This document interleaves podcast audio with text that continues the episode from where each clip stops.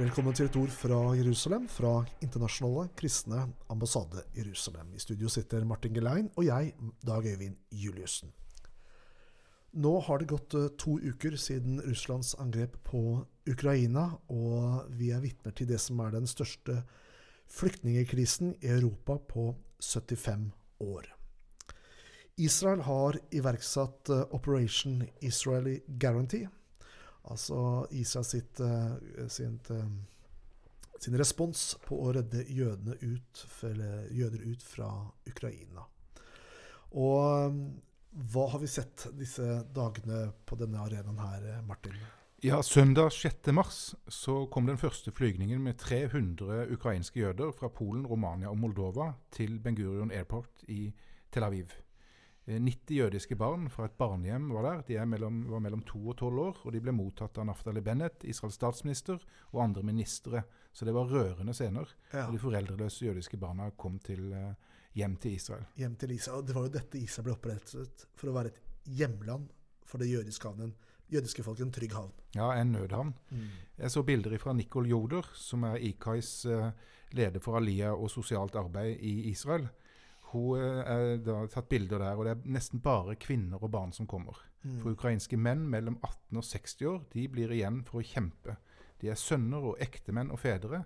Og de som forlater Ukraina, er kvinner og barn og eldre og utlendinger. Nettopp.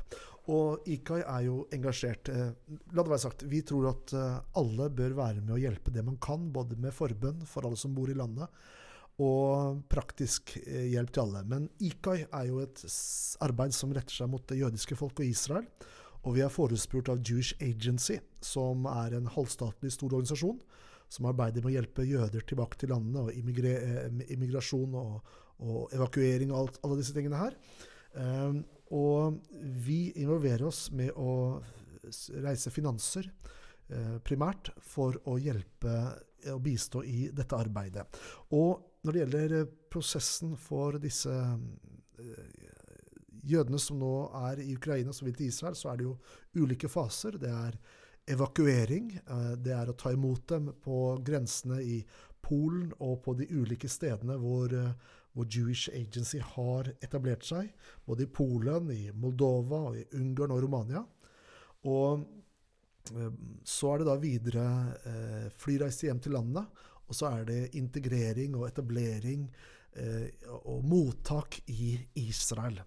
Så på denne måten så er den kristne ambassaden med. Og her i Norge så har vi i løpet av disse, denne perioden samlet inn, eller folk har respondert sjenerøst eh, og hjertelig. Og vi har flere hundre gaver som til sammen utgjør ca. 300 000 kroner.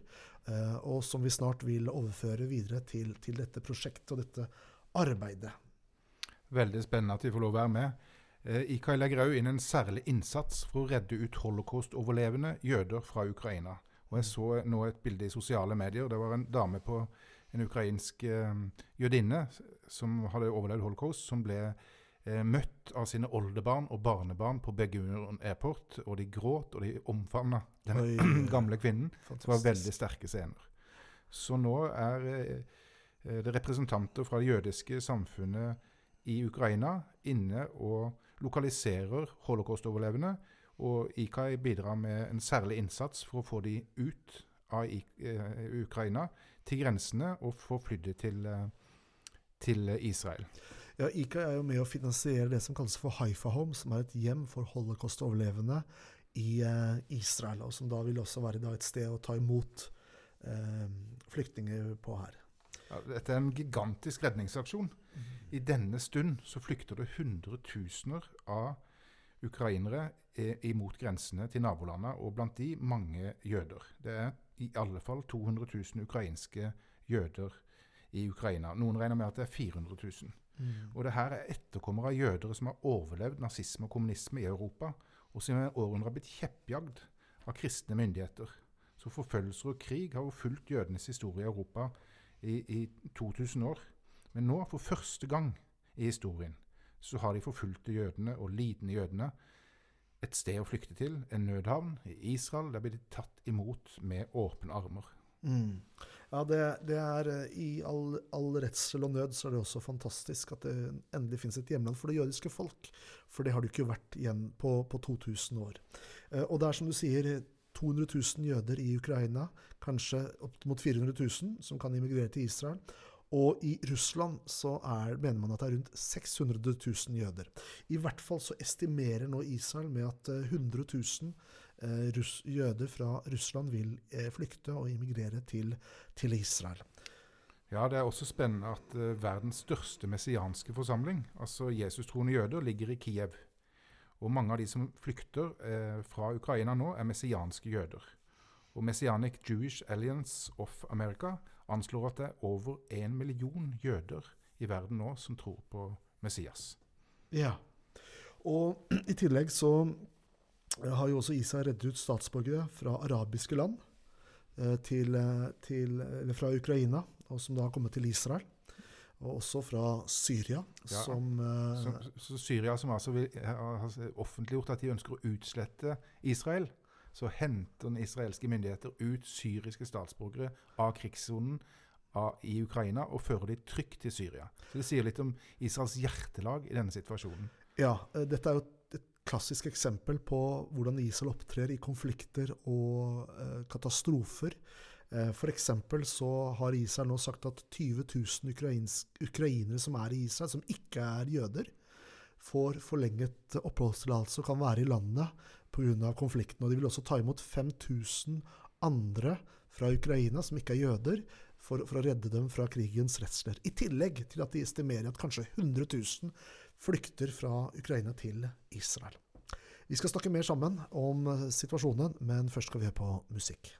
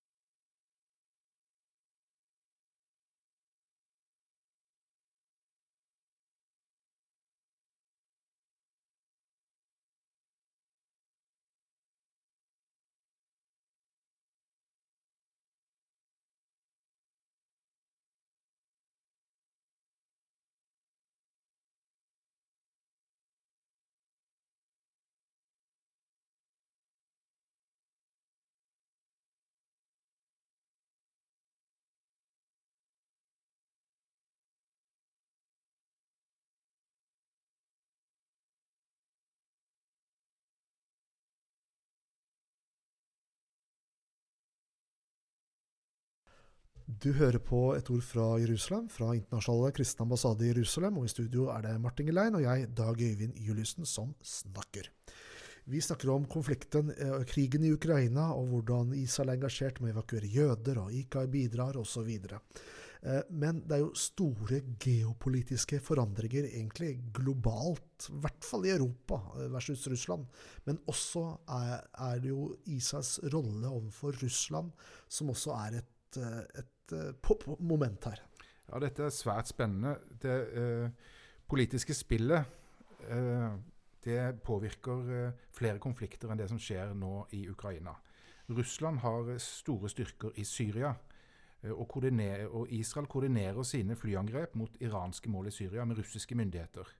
Nå har Russland eh, eh, vært tydelig på at de ikke vil anerkjenne Jerusalem eh, som israelsk, og heller ikke Golanhøydene. F.eks.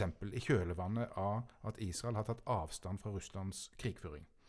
Eh, videre så er det eh, atomforhandlinger mellom stormakter som pågår i Wien.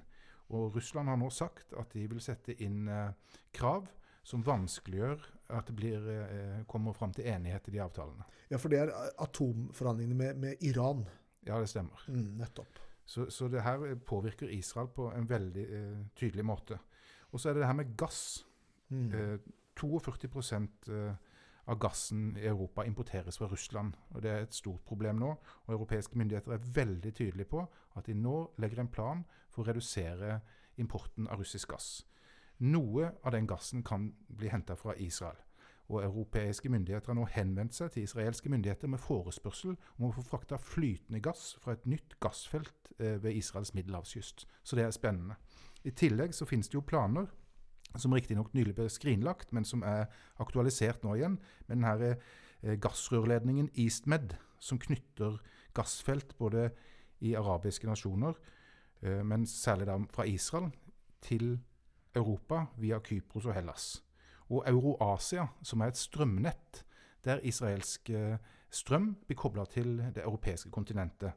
Så det er veldig mye spennende som pågår samtidig. Og denne krigen den får eh, følger på nær sagt alle områder. Ja, utrolig spennende. Det vi kan konkludere med, det er at Israel eh, igjen befinner seg i en dramatisk situasjon, sammen med også alle andre landene i Europa. Men dette er jo noe Israel er vant med. Siden landet ble gjenopprettet i 1948, så har de blitt angrepet gjennom flere store kriger med tusener av døde. De er konstant utsatt for trussel om terror og terrorangrep fra ulike, uh, ulike kilder, eller ulike aktører. Men Israel overlever som et demokrati. Og midt i dette her så tenker vi at det som, på det som står i Bibelen Han verken sover eller slumrer, han som er Israels vokter. Vi oppfordrer til forbønn både for land og folk i Ukraina, alle sammen. Eh, men også takker vi deg som står sammen med oss i forbønn for det jødiske folket og for landet Israel midt oppi disse, linjene, disse konfliktlinjene her. Og vi takker i hvert fall for følget i dagens sending i Et ord fra Jerusalem. Og du har hørt Martin Gelein og meg, Dag Øyvind Juliussen fra Internasjonale kristne ambassade Jerusalem. Takk for følget.